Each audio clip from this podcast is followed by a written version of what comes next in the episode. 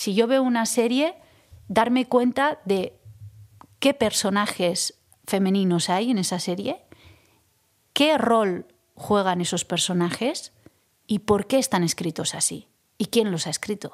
No vale que una actriz sea, eh, tenga el papel protagonista si ese papel protagonista eh, sigue legitimando todo, todo este sistema heteropatriarcal, ¿no? Y, muchas veces ya solamente por tener a tantas mujeres protagonistas ahora, creemos que la cosa está cambiando. Pero ¿realmente estamos haciendo algo para cambiar todo ese sistema que legitima todo este momento? Ahí tengo mis dudas.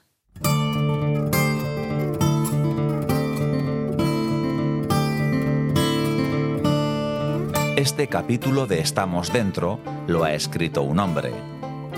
Ese mismo hombre, que soy yo, John Martija, ha planteado las preguntas. La protagonista es una mujer, Amancay Gastañaga, pero aquí nadie le escribe las respuestas. Esas son solo suyas. Seguro que conocéis la expresión hombre del renacimiento y seguro que os vienen unos cuantos hombres del Renacimiento a la cabeza. Pero, ¿y mujeres del Renacimiento? ¿De cuántas os acordáis? Ese guion también lo escribieron los hombres.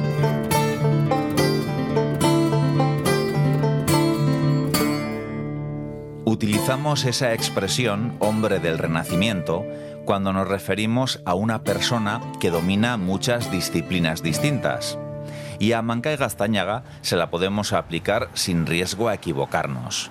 Cantante, instrumentista, actriz, escritora, bailarina, profesora.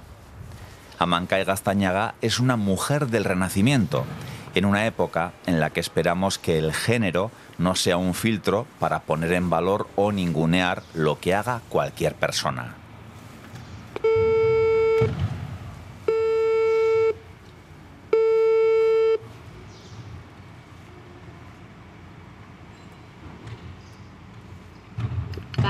Bai? Amancay. Aupa, kaixo. Apa. Pasa, pasa. Bai. Amancay es una flor que echa sus raíces en la localidad guipuzcoana de Cestoa, aunque esas mismas raíces llegan hasta Latinoamérica. Buenas. buenas tardes. Buenas tardes. Bienvenido. Gracias. Pasa, pasa. Operación Gatos está Está controlada. Parece que sí. No lo, no lo vamos a decir muy alto porque Bueno, ya son muy sabes que- curiosos. Es curioso, muchos gatos anfitriones en los hogares que estamos visitando en Estamos Dentro. Pasa, pasa, pasa. Qué olor más rico. ¿Sí? Amancay es integrante del grupo Grises, que este 2023 está realizando su gira de despedida. Forma parte también de Kamikaz Colectivoa, proyecto teatral que comparte con Erika Olaizola y Miren Gastañaga, y con el que este año han ganado el premio Donostia de Teatro con la obra Iru Kortxe, Azukre Asko eta Brandi Gehiegi. Ha participado en series como Alardea, Betty Mugan, Intimidad, da clases de danza y violín, ha codirigido un corto, Zulo, el año pasado realizaron para ETV1 el programa Vikingak, ha escrito un libro, Ogeita Meretzi Lore, está inmersa en otro. ¿Es o no es una mujer del Renacimiento? Claro, luego, ¿eh? Ya, ya, luego, el- si, el si hay divorcio... Si hay divorcio, cada uno Sí. con sus gatos. Eso es. Bueno, los míos ya son muy mayores, ¿eh? Y los otros son jovenzuelos, pero los míos suelen ser pesados. Sí. Cuando hay gente nueva, entra la curiosidad.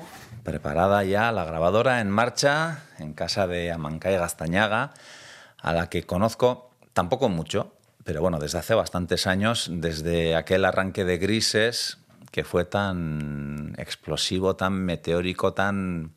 Bueno, parezco José Luis Moreno con todos estos adjetivos, pero tan fresco, ¿no? O sea, que Sí. supuso eh, un soplo de aire fresco en la escena musical vasca. Sí, sí, ya han pasado muchos años, ¿eh? De entonces. El primer Muchos disco de años. 2011, creo que fue. Sí, El hombre bolígrafo, Y fue con aquel, pues nada, 12 años. ya. Sí, Y del 12 grupo años. unos 20, he Uno- leído. Sí, sí, sí. eh, tocando juntos Empezamos en el 2002, 2003, una cosa así, o sea que sí, 20 años. Y una historia que se acaba y hablaremos también Sí. de, de eso. ¿no? Este va a ser un año bonito y triste a la vez. Hmm. Pero hay tantas cosas de las que hablar con Amancay Gastañaga que por eso la hemos invitado o nos ha invitado ella a su casa en Sí. Estamos Dentro. Tenemos aquí... Eh, espera, ¿eh? Que va Sí, a... uy. Mira, este es un peligro. ¿Cómo se Lo llama que- este? Este es Tao. Tao. Y Tao es el, el rey de la casa, entonces lo que voy a hacer con el rey es eh, sacarlo fuera. A mí me da igual, ¿eh? O sea, si te preocupa que vaya a tirar algo... Va a empezar a hacer de todo. A comerse porque las quiere, hojas secas. quiere ser el protagonista eh, excepcional de todo y no puede ser. Bueno, Tao, creo que vas a estar castigado un ratito. Me va a coger paquete ahora. Bueno, pues nada, Tao mm, expulsado de la sala. Estamos ya sin gatos, uy, que me mato. Y a ver si nos dejan tranquilos. Bueno, para empezar la casa, eh, nada más entrar, ese olor tan rico que era Limón. limón. Sí. Me gusta mucho el, el limón porque, bueno, esencia de limón, porque siempre que trabajo, escribo en casa, eh, se supone que, que anima a las neuronas a abrirse y a ser como más eh, libres, ¿no? Al juego. Y me gusta mucho esta esencia. La suelo poner mucho. Es importante, ¿eh? es un sentido que muchas veces se minusvalora, ¿no? El sentido del olfato. A mí me gusta mucho y de hecho soy un poco obsesivo con los, con los olores Sí. y, y esa memoria ¿no? olfativa tan importante, esos recuerdos que, que perduran más que los visuales. eh, pues yo me voy a llevar el olor a, a limón de la casa de Amancay. Pues mira, yo ya casi no lo huelo y, y, aún, y aún así lo pongo porque creo que, que sí que es importante, no sé, mantener como, bueno, yo creo mucho en el feng shui y, y- y mantener el hogar y los espacios y, bueno, la energía que habita eh, los espacios, ¿no? Y por eso me gusta mucho, pues, cuando limpio la casa, no solo la limpio eh, no sé, el polvo, el suelo, tal, sino ya hacer también una limpieza más, más energética, ¿no? Ajá. Me gusta todo ese rollo. Una casa muy nueva, que no puede tener mucha historia, ¿no? No. Eh, bueno, tiene mucha historia, pero es una casa nueva. pero tendrá unos mm, 13 años, 14 años este edificio. Sí, en Cestoa se hicieron estas casas hace relativamente poco. y en pleno cogollo, ¿no? Junto a la plaza del ayuntamiento, en un sitio también muy especial del pueblo, ¿no? Sí, y la casa de mis, eh, de mis abuelos estaba en esta zona, entonces, eh, bueno, por eso cuando lo construyeron a mi familia pues nos, nos tocaba un- Ah. una parte, un- una cosita así, y, y por eso aproveché esta oportunidad.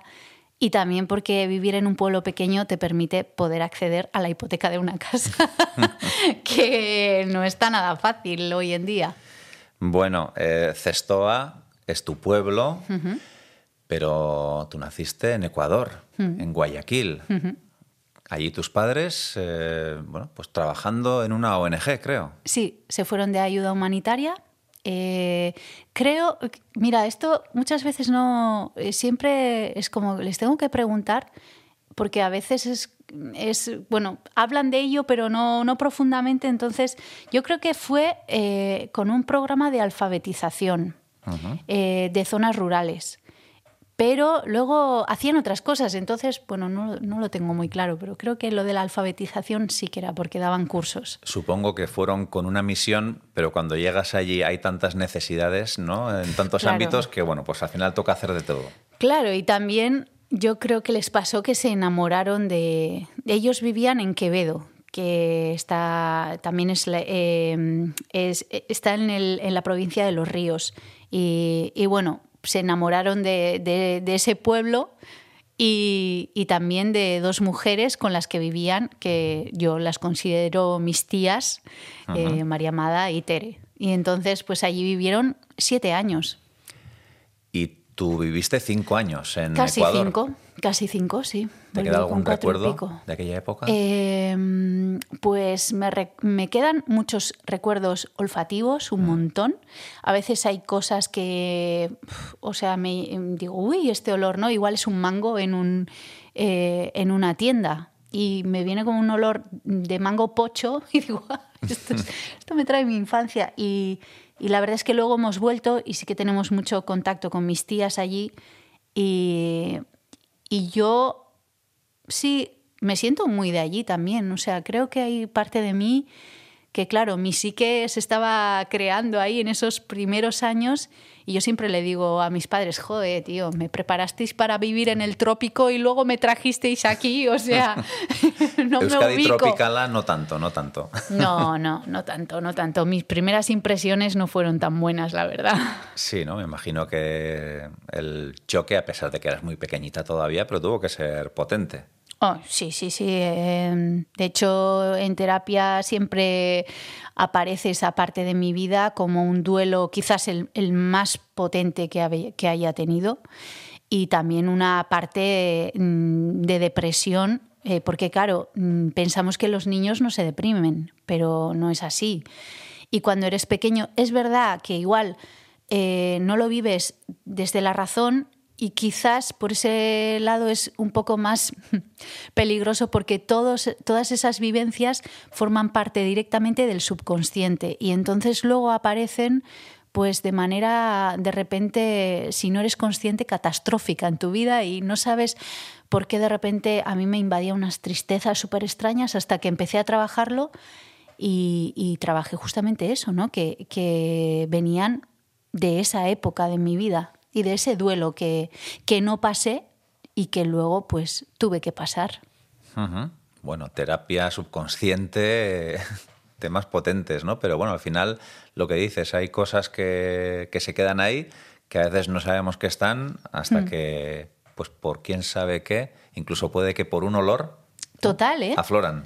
Yo eso lo hablo mucho con, con mi terapeuta, Merche y Elena. Las dos son, o sea, con las dos trabajo a fuego y, Merche siempre me dice que no somos conscientes de lo que se nos activa o con una canción o con un olor eh, y cómo puede cambiar el estado de ánimo y llevarnos igual a momentos traumáticos o felices de nuestra vida.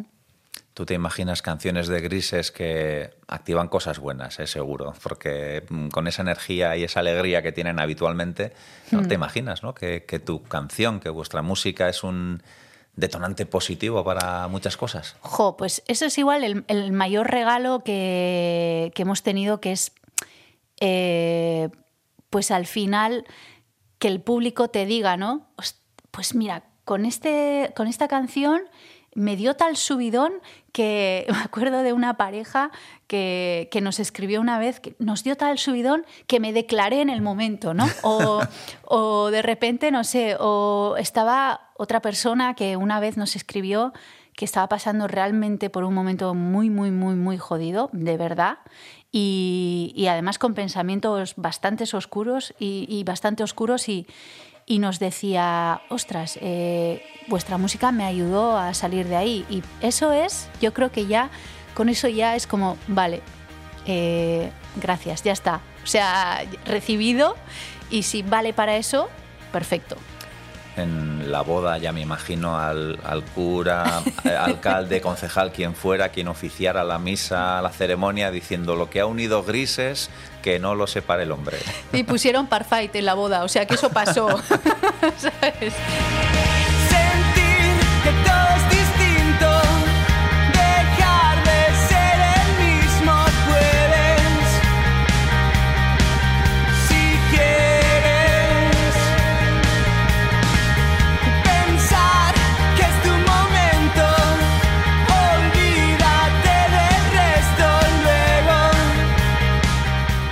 Público siempre te, te trae cosas muy buenas eh, de vuelta y, y bueno, eso es siempre maravilloso.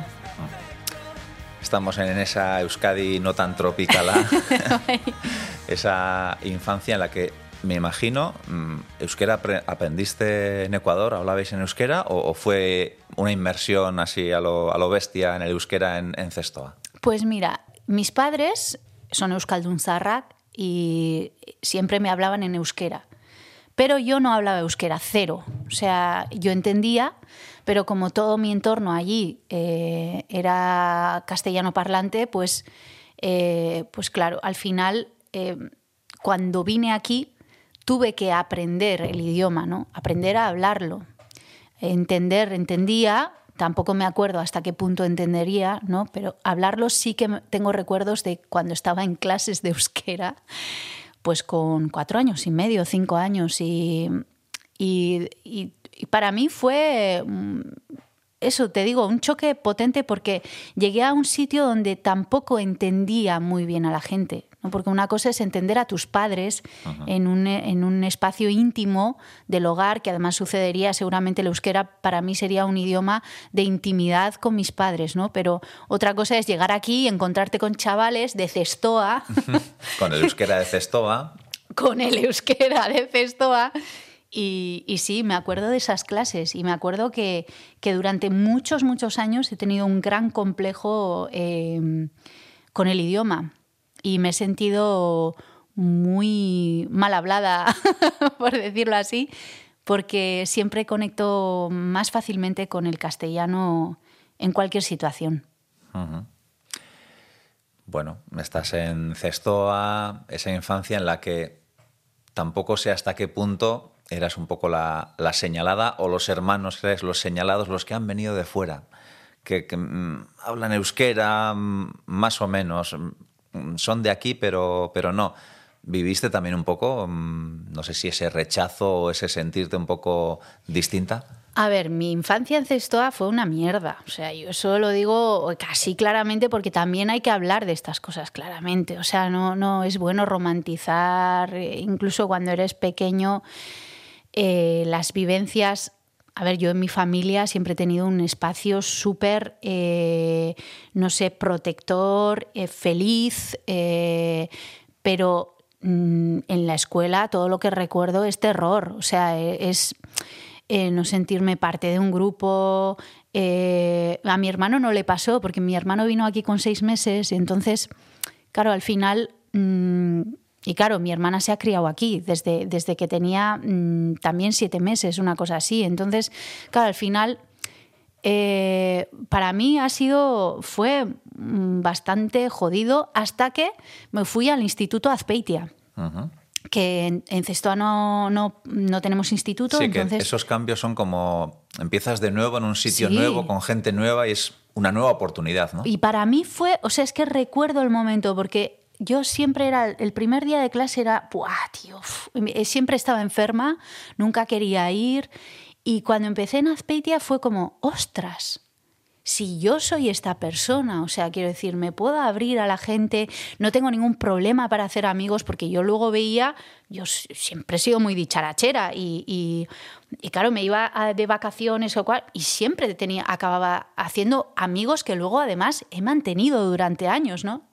Y, y yo decía, pues, pues igual, es que el problema no lo tengo yo. ¿sabes? Y luego la verdad es que el instituto para mí fue buah, la bomba, maravilla. Mm, conservo unos recuerdos increíbles porque, no sé, para mí fue abrirme a, a la experiencia del, mm, de, no sé, de- del juego, de la amistad, de todo. Y fue feliz. Bueno, nos queda algo de Ecuador que queda para siempre, que es el nombre, Amancay, que es una flor que tiene incluso una leyenda, por lo que he leído. y que hace poco hice un conjuro para cambiar esa leyenda en mí. no, es- tiene una leyenda, eh, es un nombre quechua y tiene una leyenda muy bonita y muy antigua que es... eh, se supone que Ama- Amancay es una chica de una tribu, eh, la tribu enferma, con una enfermedad, no se sabe cuál, mm, todos están fatal, su amor está fatal, se está muriendo. Y entonces eh, le dice una, una sabia de la tribu, le dice, tienes que encontrar la flor, una flor que tiene unos pétalos eh, amarillos con unas rayas rojas y eh, esa flor nos traerá la curación. Entonces, ella va al monte, encuentra la flor, pero se encuentra con el cóndor. Y el cóndor le dice, esta es mi flor y si tú la quieres coger me vas a tener que dar algo a cambio. Entonces ella le da su corazón, la flor se tiñe para siempre y se le queda el nombre de Amancay. Y sacrifica, se sacrifica totalmente por su tribu. Estas leyendas tradicionales en las que pues habitualmente las mujeres no acababan muy bien. Por eso hice un conjuro y cambié la leyenda a mi parecer, que para eso escribo historias y las puedo cambiar como quiera. Sí, a ver, son leyendas antiguas muy bonitas, pero donde el sacrificio, que es una palabra que a mí me gusta más bien poco, eh, adquiere como un, no sé, un peso además que te, que te, eh, que te honra, ¿no? Pues bueno, como, nuestra religión, ¿no? Eh, si tú te sacrificas, de repente se supone que te, es aceptada, eh, todo tu entorno, eh, es como que salvaras a todo tu entorno. Y bueno, yo no estoy muy, muy a favor del sacrificio, no sé. Entonces, bueno, pues ahí cambié, cambié esa leyenda, cambié. Bueno, está bien. Tampoco hay que tomarlo todo como viene dado, porque sí, ¿no? Se pueden cuestionar eh, incluso las leyendas ya lo que está pasando ahora, por ejemplo, con los cuentos de Roald Dahl y estas cosas que están haciendo, bueno, no sé, eso mm, supone un debate más, más profundo, pero, pero bueno, también al menos replantearse las cosas que, que tampoco tienen por qué ser así y quizás con el contexto pues ayuda a que las entendamos. ¿no? Yo me replanteo y cambio siempre todo. O sea, soy una crata absoluta y, y además Mm, con todo, eh, o sea, quiero decir, eh, no sé, mm, no intento ofender a nadie con eso, creo que no es una ofensa. Yo, por ejemplo, soy una fan ferviente de Shakespeare, o sea, me flipa Shakespeare y cada año con mis alumnos hago cada burrada con sus textos, pero siempre es desde el amor profundo que igual pues yo puedo tener a ese autor y en este caso a esa leyenda y a esa tradición eh, quechua increíble, ¿no? Pero, pero creo que mm, con Roald Dahl también, otro autor que me fascina. O sea, creo que em, la tradición es, eh, y aquí igual me meto en berenjenal, pero la tradición está para romperla. Las cosas no son inamovibles. Las cosas evolucionan, las historias cambian, los modos de ver eh, cambian. Eh, hace poco aquí, bueno, aquí tenemos un montón de cuevas. Cuevas importantes, o sea, con pinturas rupestres súper importantes. Y hay una cueva, eh, hay, más cuevas, ¿no? Está la de Cain, que es la más conocida, pero hay otras cuevas más pequeñas donde se supone que vivían neandertales que por dinero pues no, no, pueden estudiarlas, porque claro, eso cuesta una pasta mantenerlo y, hacerlo. Y me decía uno de Aranzada y me decía, eh, Juan Mancay, nos estamos dando cuenta que en una de las cuevas hay un montón de vulvas, que hasta ahora nadie había visto vulvas, habían entrado y no veían vulvas, veían otras cosas. ¿Por qué? Porque la imaginación, claro, todos los que entraban eran hombres blancos, con además quizás ciertos prejuicios dados por la religión eh, tan católica estrecha del momento, que claro, entraban dentro de esa cueva y no eran ni siquiera capaces de ver lo que realmente había pintado ahí. Yo creo que eh, si, la, si la, el punto de vista y la mirada no evoluciona, incluso con las historias, eh, nos quedamos anquilosados y no somos capaces de ver más allá. Por eso para mí todo es cambio, todo se puede coger, romper, modificar y siempre desde el cariño, el amor y desde el permiso que me doy a mí misma.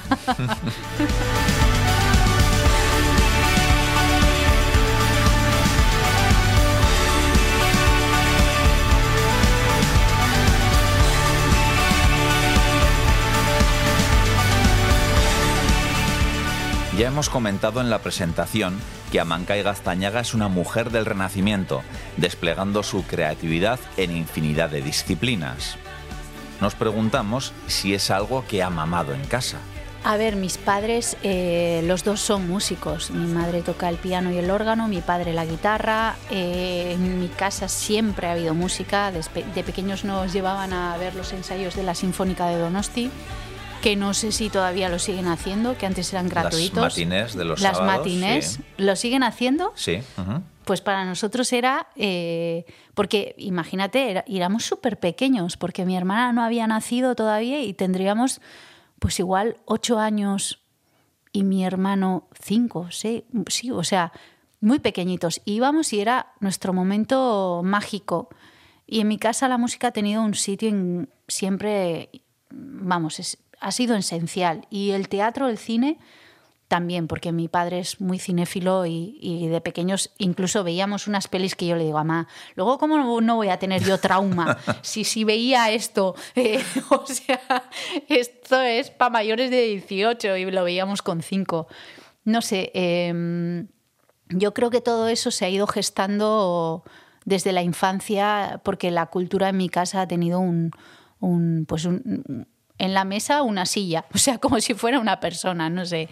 Y, y después, pues mira, empecé a hacer teatro aquí, en Cestoa, en el sitio donde yo doy clases ahora, eh, por un curso que lo iniciaron desde el Gasteche. Y para mí fue con 16 años, para mí fue eh, un antes y un después. Bueno, tanto un antes y un después que esa fue ¿no? la, la espoleta que activó el acabar yéndote a Madrid, ¿no? Si Azpeitia fue el abrirte Sí. un poco al mundo, el salto a Madrid a estudiar interpretación, música, eso tuvo que ser, vamos, un sueño hecho realidad. Hmm. A ver, a mí el violín me acompaña desde los seis años y ese también lo estudiaba en Azpeitia. Entonces para mí era... eh, yo luego en Cestoa intenté jugar al fútbol, que era la única actividad posible, me rompí la rodilla malamente y, y el violín me acompaña desde muy pequeña. Y Madrid para mí fue eh, primero una tortura, porque llegar allí fue, ¿qué hago aquí? ¿Por qué he decidido yo estudiar esto tan terrible?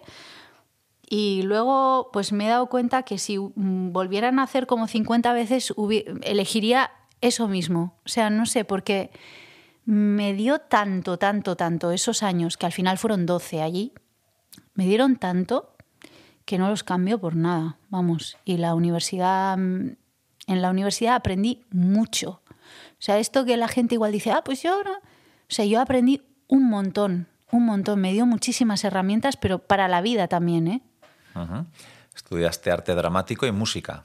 Estudié arte dramático y, eh, mientras tanto, terminé la carrera de violín eh, que hice hasta octavo. Entonces eran ocho años, que era grado medio, y eh, otros dos, que era virtuosismo, y ahí te daban el grado superior. Y yo virtuosismo no hice. Me quedé en, los ocho años con el título de violín, de profesora, y lo terminé en el Conservatorio Amaniel, ahí. Ujú.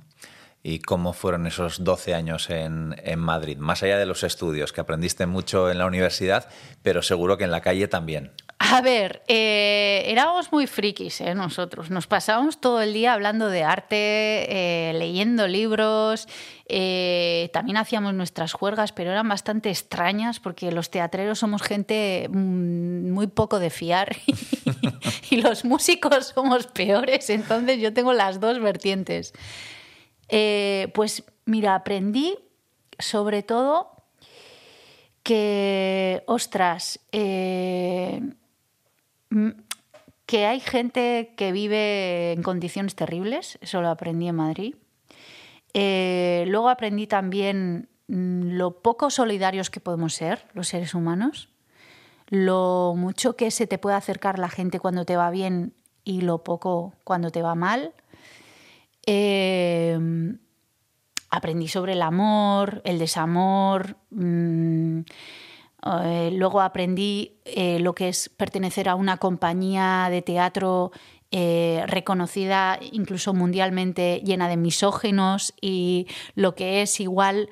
Quizás ahí fue la primera vez en la que dije, yo quiero ser actriz y hacer estos personajes. Y esa pregunta para mí fue súper importante, porque después de vivir 12 años en Madrid, cuando volví aquí, decidí no hacer nunca, no ser actriz. y entonces fue cuando empecé a dar clases de danza. Aprendí a bailar, aprendí danza egipcia en Madrid con una egipcia maravillosa. Y, y nada, pues aprendí, es que aprendí, ya te digo, o sea, si ahora tengo un 70% de herramientas, yo creo que el 50% las adquirí allí. En los últimos años, con el tema del Me Too, con más reciente el documental de Isabel Coixet, la gala de los premios Feroz, bueno, mm, Sí. están saliendo a la luz muchas cosas que, que pasaban. No sé si a ti te ha tocado vivir situaciones incómodas de ese tipo. Mira, yo he vivido situaciones de todo tipo porque yo ya tengo 42 años y imagínate, hace un montón de años que era aquello. Eh, más allá de las situaciones violentas o agresiones que hayas podido vivir, yo creo que no, no se pueden menospreciar los micromachismos que ocurren y siguen ocurriendo y que son más difíciles de, de catalogar, ¿no? Porque yo lo que veo es que nos llevamos las manos a la cabeza, ¿no? Con, con, no cuando salen todas estas cosas y con razón, porque eso es terrible, pero muchas veces cuando estás viviendo todos los días con una pequeña dosis, como si te dieran una pastillita ¿no? de machismo en tu oficio, muchas veces para cuando llegas ya a esa situación, has tragado tantas pastillas que yo creo que a veces ni te das cuenta de lo que estás viviendo. Y para mí es más importante eh, trabajar diariamente en, en intentar abolir esas situaciones, que son, empezando por, si yo veo una serie, darme cuenta de qué personajes femeninos hay en esa serie, qué rol juegan esos personajes eh, y por qué están escritos así y quién los ha escrito. Para mí eso ya es eh, un abuso de poder que se hace diariamente en casi todas las series y mm, ahora más con todas las plataformas, con toda la producción que tenemos, ¿no? incluso, incluso en, eh, a nivel local ¿eh? Y también en teatro. No vale que una actriz sea, tenga el papel protagonista si ese papel protagonista sigue legitimando todo, todo este sistema eh, heteropatriarcal, ¿no? Y, muchas veces ya solamente por tener a tantas mujeres protagonistas ahora, creemos que la cosa está cambiando. Y la cosa no está cambiando. La cosa eh, ahora nos atrevemos a decir las cosas que pasan y que siempre han pasado, porque sabemos que eh, en algunos casos estamos de moda y vamos a ser respaldadas. Pero realmente estamos haciendo algo para cambiar todo ese sistema que legitima todo este momento. Ahí tengo mis dudas. Es muy difícil porque creo que eh, hay tantos privilegios que tenemos que dejar a un lado. Mm, vamos, todes, diría así, porque hay mucha, mucha, luego hay otra parte, eh, otro sector que no está ni siquiera incluido, que para mí es, puf, o sea, como un elefante que te tienes que tragar, ¿no? ¿Y por dónde empiezas a tragarte eso?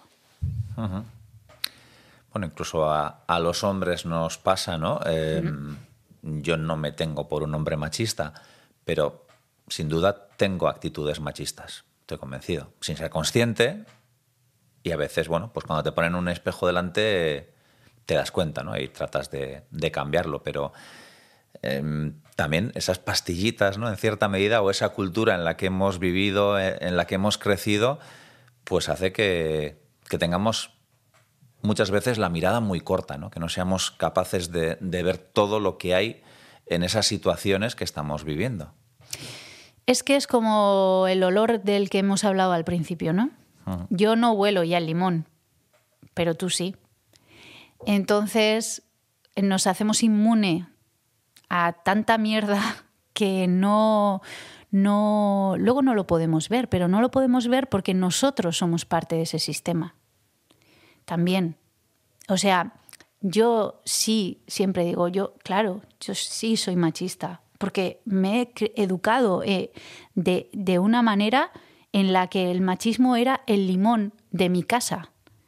Y yo soy ese limón, porque ya no lo puedo. O sea, a veces mm, me cuesta tanto poder verlo y cuando soy capaz de verlo, ya está tan cerca, ¿no? Eh, ese monstruo que, que dices, hostia, y todo este recorrido que yo no he sido capaz de ver, ¿no? Todo esto, claro, pero si tú ya eres el limón, es imposible. Es imposible.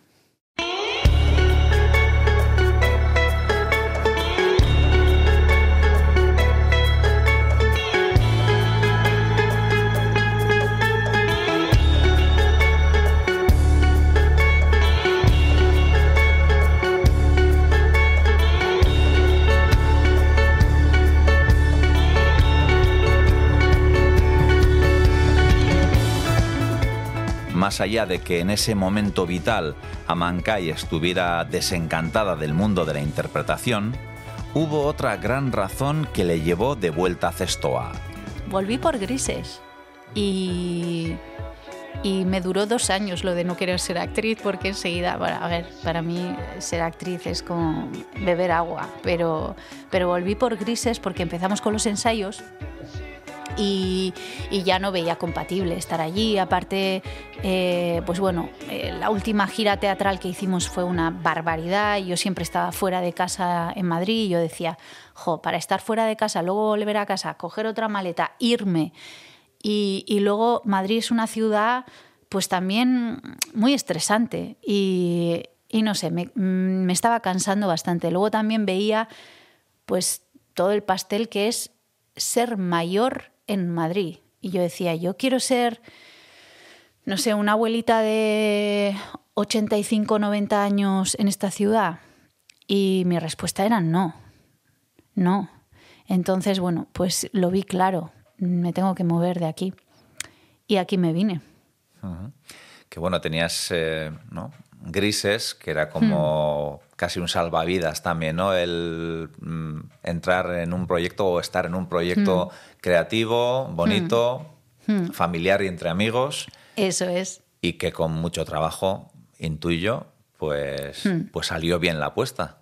Sí, pero Grises siempre ha sido un, eh, un proyecto en el que nosotros no hemos cobrado. O sea, quiero decir, Grises ha cobrado como grupo y ese dinero, todo, todo, todo, todo, lo hemos invertido. Me acuerdo una vez que en un gasteche hace pocos años nos pagaron eh, un dinero y dijimos, esto lo vamos a repartir. Y, y fue como, o sea, un subidón. ¡Ah! O sea, llevamos, imagínate, pues 15 años tocando y no nos habíamos repartido nunca dinero para nosotros, ¿no? Siempre, siempre ha sido un proyecto, es el- ha sido como el proyecto de nuestras vidas, o sea, eh, como un hijo al que te daba igual eh, no, no sé, no recibir nada a cambio, porque tú dabas y dabas y dabas, ¿no? Pero Y- claro, esto a la gente le puede costar entenderlo, ¿no? Eh, tantos años, seis discos, eh, giras, actuaciones en grandes festivales, con el respaldo de Sony. y, y eso era un hobby. En el momento en el que no vives de ello, es un hobby. Total, total. Eh, bueno, para los creadores, hobby o, o proyecto de vida. O terapia. Claro, porque un, un escritor que se pasa, eh, un escritor eh, vasco que se pasa escribiendo no sé cuántas horas una novela, si la gente supiera lo que ese escritor cobra por esa novela, fliparía. O sea, diría, ¿por qué escribes? yo creo que es algo que te nace de dentro, que es tan fuerte, tan fuerte, tan fuerte, que, o sea, no piensas ni siquiera en el dinero. Y eso es lo que nos, nos, nos yo creo que nos hace tanto daño a, a la gente que nos dedicamos a, a, a la creación, ¿no? Porque al final para ti es como una necesidad fisiológica y, y luego, pues en la industria musical eh, es, es verdad, todo el mundo gana menos el músico. Todo el mundo gana menos el músico. Eso es una realidad. El músico tiene una necesidad primaria que es contar algo y, y el resto de la gente, pues no voy a decir aprovechar, porque no, porque es un negocio como otro cualquiera, pero sí que hay un punto en el que, bueno, sí, sí voy a decir, por- por- porque, porque sí que nos aprovechamos de los creadores, o sea, además como es algo que no, no es tangible, no es, no, no, no sé, no, no es eh, un ladrillo, ¿no? Que lo ves, lo palpas, está ahí, ¿no? El arte al final, ¿qué es? Una necesidad para quien lo hace, eso sin duda. Y una necesidad para todos, porque en el confinamiento, ¿qué consumimos? Solo arte. Nos hubiéramos tirado por las ventanas si no. Si no hubiéramos tenido ni un libro, ni una canción que escuchar, ni una serie que ver. eh, ¿Cómo? Si nos- no nos hubiéramos puesto a bailar en nuestros salones, aunque no tuviéramos ni idea de bailar, o a escribir lo que sentíamos en ese momento, que había gente que nunca había escrito nada y en ese momento se puso a escribir lo que sentía, ¿no? O sea, el arte es parte del alma. O sea, yo creo que el arte es la expresión más primaria que tiene el ser humano. Pero bueno, en el sistema que hemos construido, pues mm, es más importante el dinero.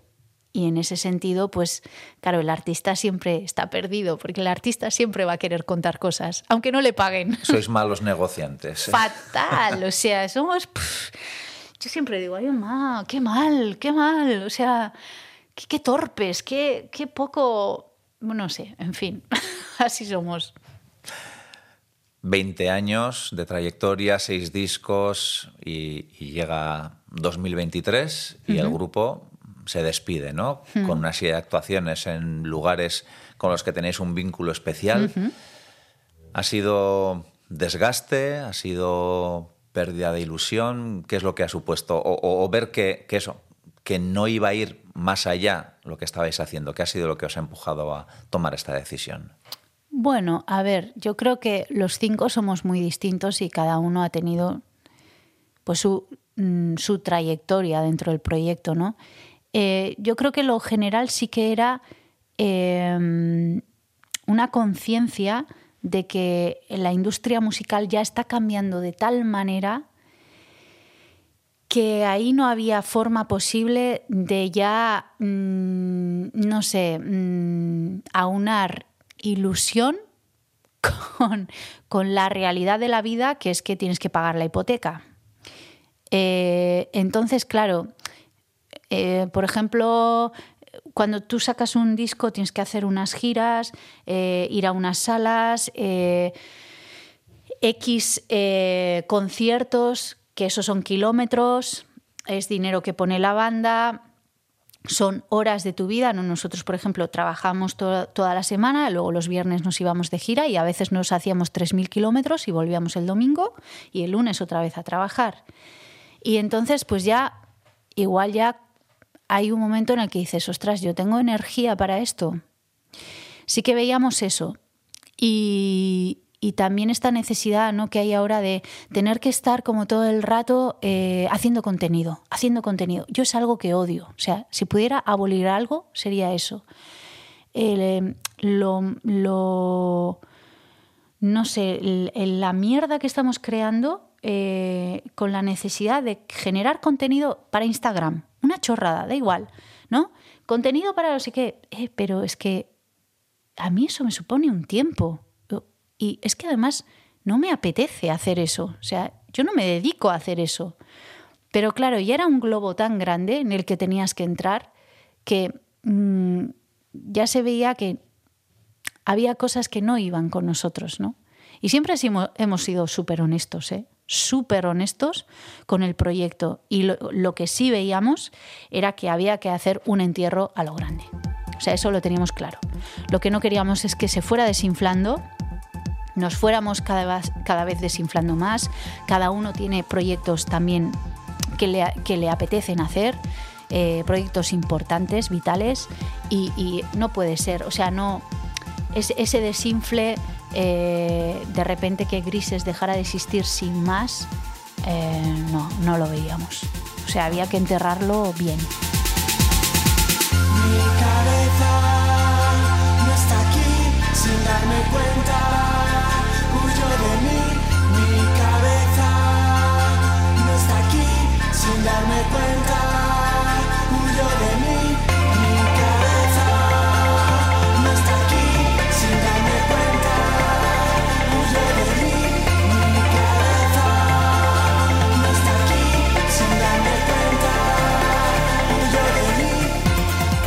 En 2021, Amancay publicó un libro en euskera. incluso con todos mis complejos hacia el idioma, porque los he tenido muy gordos. Hace dos años me pidieron escribir un libro eh, y para mí fue como el momento de decir, venga, Mancay, esto es, o sea, esto lo tienes que hacer. Y, ya es como una elección, porque, porque sí, porque me quiero expresar en este idioma, porque me trae cosas muy buenas y, así lo he hecho. Pero ahí también no hay otra vuelta, ¿sabes? O sea, creo que es, que es algo que nace del corazón y como antes hemos dicho que el artista pues lo tiene que sacar porque no, no tiene otra manera de hacerlo, pues yo creo que también el idioma va por ahí. O sea, si te nace en ese idioma, es que es en ese idioma. O sea, no es en otro, es en ese. Meretzi Lore, 39 flores, era ese libro publicado por Susa, del que he estado buscando información, pero tampoco hay mucha. Y la mm, especie de sinopsis que hay es bastante críptica. El libro es una pedrada importante. A ver, es un libro de, eh, de teatro, sobre teatro, ¿vale? Entonces, eh, es un libro que en la primera parte tiene una parte más como mm, vivencial, que cuenta un poco pues mm, mis vivencias como creadora mujer en Madrid y luego aquí. Y luego eh, tiene una obra de teatro imposible de hacer. Mi, punto de partida era, eh, voy a hacer una obra como si fuera un dramaturgo eh, hombre y tuviera toda la libertad del mundo para escribir lo que yo quisiera. ¿vale? Ponía como ejemplo Valle Inclán Que es uno de mis otros autores preferidos. Y, y entonces pues me salió una pedrada terrible y la tercera parte, eh, que tiene pues unas ilustraciones de Arrate Rodríguez, es un bestiario. Y voy analizando como todos los personajes mm, que salen en, la, en el libro provienen del teatro clásico y cómo esas mujeres pues, han sido escritas por hombres, imaginadas por hombres y eh, las crueldades a las que han sido expuestas eh, desde ahí, ¿no? Entonces, pues eh, de eso va la, la obra. No es una lectura fácil, pero es una lectura divertida. Me decía Miquel Márquez, como bueno, pues artista que, que tiene que vivir del arte y de la cultura en este país, que era un poco casi como un malabarista de estos de los platos chinos, ¿sabes? ¿no? Que tienes que mm, dar vueltas a un plato, pero vigilar que el otro no se te caiga, ir corriendo al otro lado. Eh, no sé si tú también te sientes un poco así, porque entre escribir, teatro, interpretar, dar clases, televisión, música, eso, ¿no? Muchos fuegos a los que atender. Eso es una pasada. La, la autoexplotación es increíble. O sea, yo soy experta en autoexplotarme, tengo másters y soy buena, buena. soy- debo decirlo, que si en algo soy buena es en autoexplotarme. O sea, me he dado cuenta de eso. Es terrible, porque tienes como esa sensación de tener que estar, ¿no? Eh, luego también hay otra cosa, que es que con una cosa solamente no puedes pagar ni de coña lo que, lo que tienes que pagar. Entonces eso te lleva a hacer como un montón de trabajos diferentes a la vez, con todo el estrés que eso te puede traer y ansiedad. Y bueno, pues ahí surfeando a la ola de, del estrés vivimos. Y con, bueno, ¿no? pues compañeras con las que montar aventuras, proyectos, está ahí Kamikaz Colectivo A. Sí. Y, y me imagino que, pues como en la música, de repente encuentras una gente con la que hay una conexión, en el teatro o en la interpretación también tiene que ser bonito, ¿no? Para mí, Kamikaz Colectivo A es como mi espacio, eh, no sé, disfrute. Porque es trabajo, pero es ante todo disfrute. O sea, es un espacio súper libre donde yo puedo expresarme, ser yo, contar lo que quiero, trabajar con amigas. Eh, es un entorno eh, de mujeres. eh, mujeres que además gamberras, que nos gusta trabajar las ideas desde el humor, que es súper importante. Yo estaba pensando, joder, qué seria parezco en esta entrevista, ¿no? O sea, pero yo soy una, una payasa. O sea, yo en mi vida me río de mí desde que me levanto hasta que me acuesto y además me encanta. O sea, y, y en este espacio pues tenemos un sitio mm, que sentimos seguro para expresarnos desde el payasismo que tenemos las, las tres integrantes. Y de ahí surgen obras de teatro que escribes, que interpretáis. Y, y también, bueno, pues oye, premios, ¿no? Que eso, eso motiva. Eso motiva, eso te hace decir, bueno, vamos por buen camino. Y, y luego en lo económico, pues te ayuda a poder crear lo siguiente, ¿no? Porque eh, los grupos teatrales vivimos siempre pegados a ayudas y a. Claro, porque si no, no hay otra manera de hacerlo. No. Sí, sí. Si tuviéramos una churrería, pues bueno, pero no. Bueno, el premio Donostia de Teatro, pues eso, ¿no? Un, un espaldarazo para seguir haciendo vuestras cositas. Sí, sí. A ver, al final el premio Donosti es eh, el premio al que todos queremos eh, acceder, ¿no? Eh, porque bueno, es el único premio así gordo que tenemos en Euskadi, es de teatro en euskera y es un premio importante porque además lo configura un tribunal que es muy eh, heterogéneo, ¿no? Y, eso eh, te hace decir, ostras, hemos ganado este premio, pero detrás de este premio ha habido aquí un debate de gente que se ha juntado, que ha visto obras distintas, que cada uno son de su padre y de su madre, y bueno, eso te da como, pues sí, la idea de que algo estamos haciendo bien.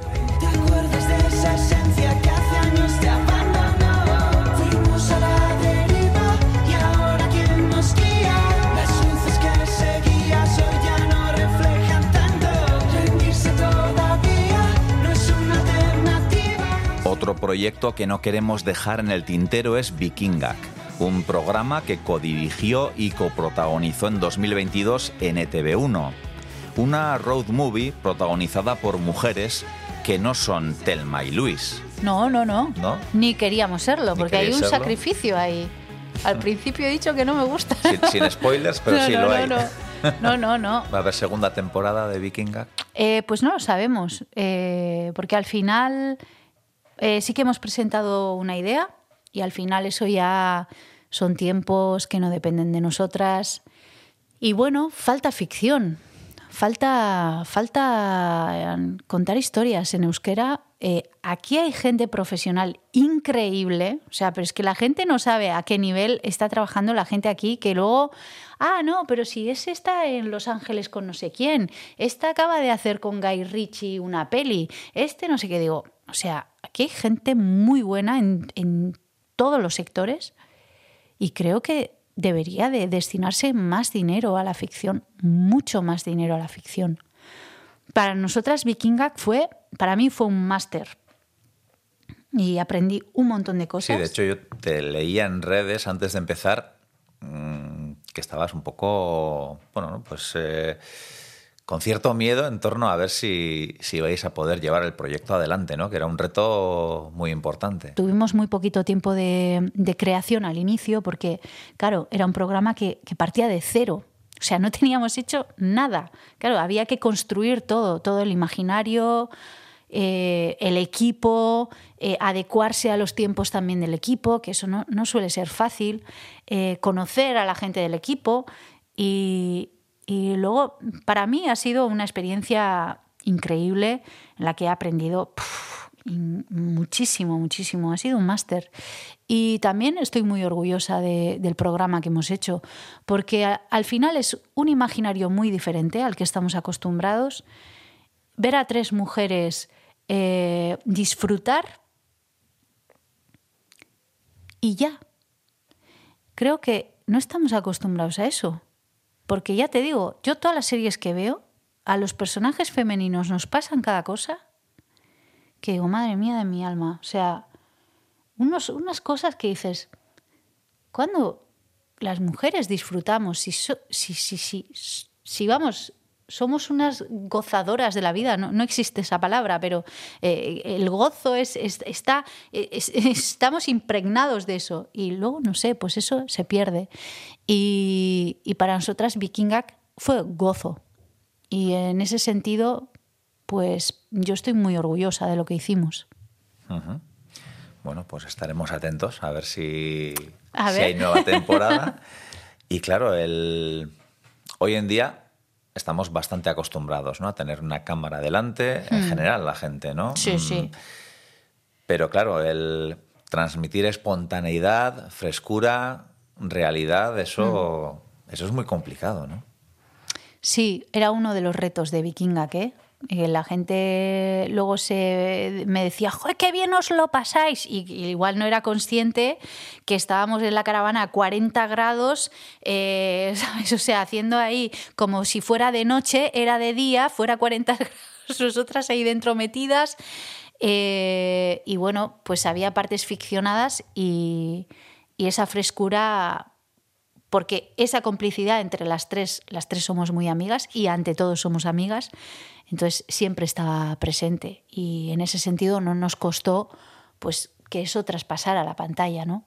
Eh, sí. Eso se suele decir y se sabe, ¿no? De mm, actores, actrices Mm. que, que se llevan a matar y, y luego ves que en pantalla hay química.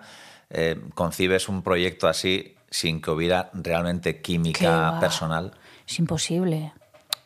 Que va, que va, que va. Eso yo cada vez de verdad intento, dentro de lo difícil que es nuestra profesión, intento buscar espacios seguros y, y si no los hay o si realmente veo que es dificultoso, intento eh, generarlos yo, ¿sabes?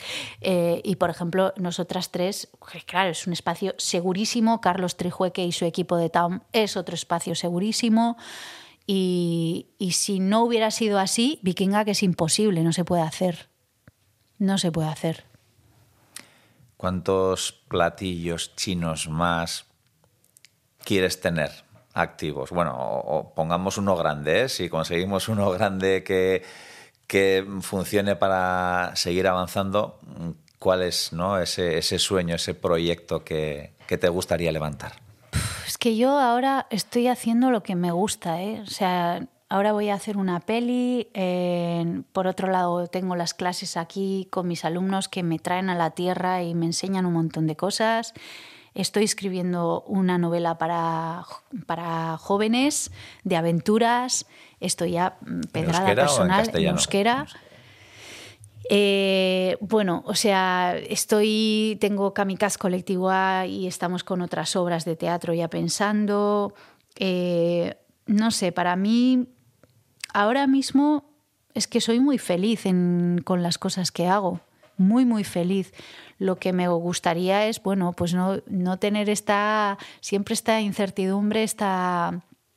No es que te llegue un proyecto gordo o que te gue- llegue algo que... Porque a veces también eso te abruma, ¿no? Y eso muchas veces, mm, no sé, eclipsa también las cosas pequeñas que son importantes en la vida, ¿no? Para mí, por ejemplo, dar clase los lunes, martes y miércoles es súper importante. Y lo que me gustaría es que no fuera tan precario. No es más el proyecto gordo, sino lo precario que es todo, ¿no? Eh, para mí, eh, estar haciendo Irukorchea, Sucreasco y Brandy es un sueño precario. Eh, y, bueno, y todas estas cosas que me gustaría que fueran mm, pues dignas, ¿no? Como yo las considero, para mí son muy dignas. Y, y luego, claro, están las series, las pelis, que eso siempre da como mucho nombre, muchas cosas. Y, pero no sé, las cosas pequeñas son lo que te hacen estar en la tierra también. Decías que cuando te fuiste de Madrid no te veías haciéndote mayor en Madrid. Eh, ¿Te ves haciéndote mayor pues con todos esos platillos chinos, digo, con esa precariedad ¿no? que hay en el sustrato cultural? Yo quiero una vida no precaria. Quiero y siempre es decreto eso, ¿no? O sea, no quiero no quiero esta concepción del artista que tiene que sufrir para crear en absoluto. Yo quiero una vida de gozo, de placer, de, yo tengo una vida sencilla. eh, pero quiero tener una vida plena, amplia eh, y que haya dinero también, ¿sabes? Porque al final, eh, no sé, la concepción esta de...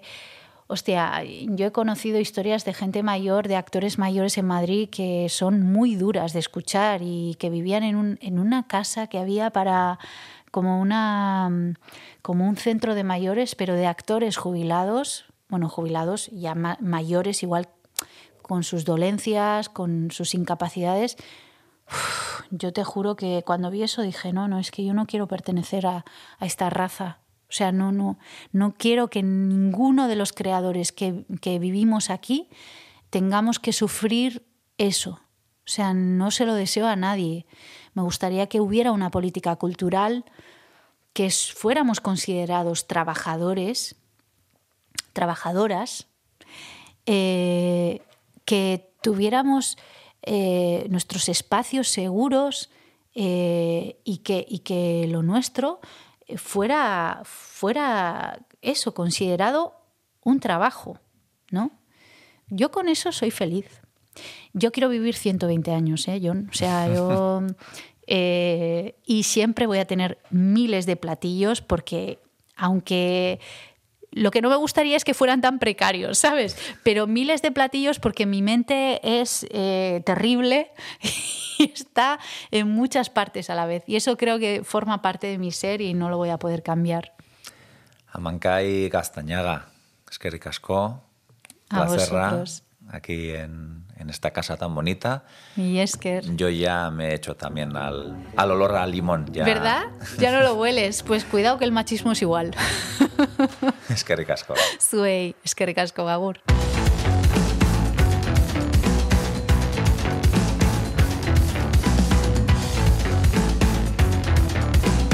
Toda la música de esta visita, como no podía ser de otra manera, pertenece al grupo Grises. Dejamos a Mankai haciendo girar todos sus platillos chinos. Como propósito de vida no está nada mal.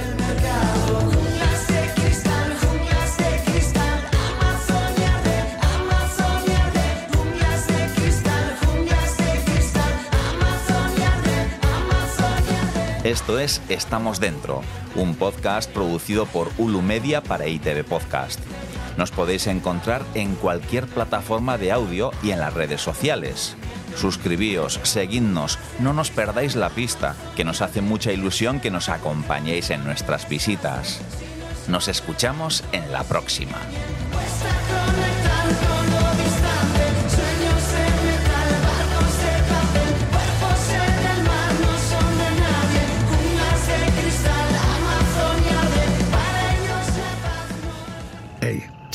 Entzun hori. Ulu Media.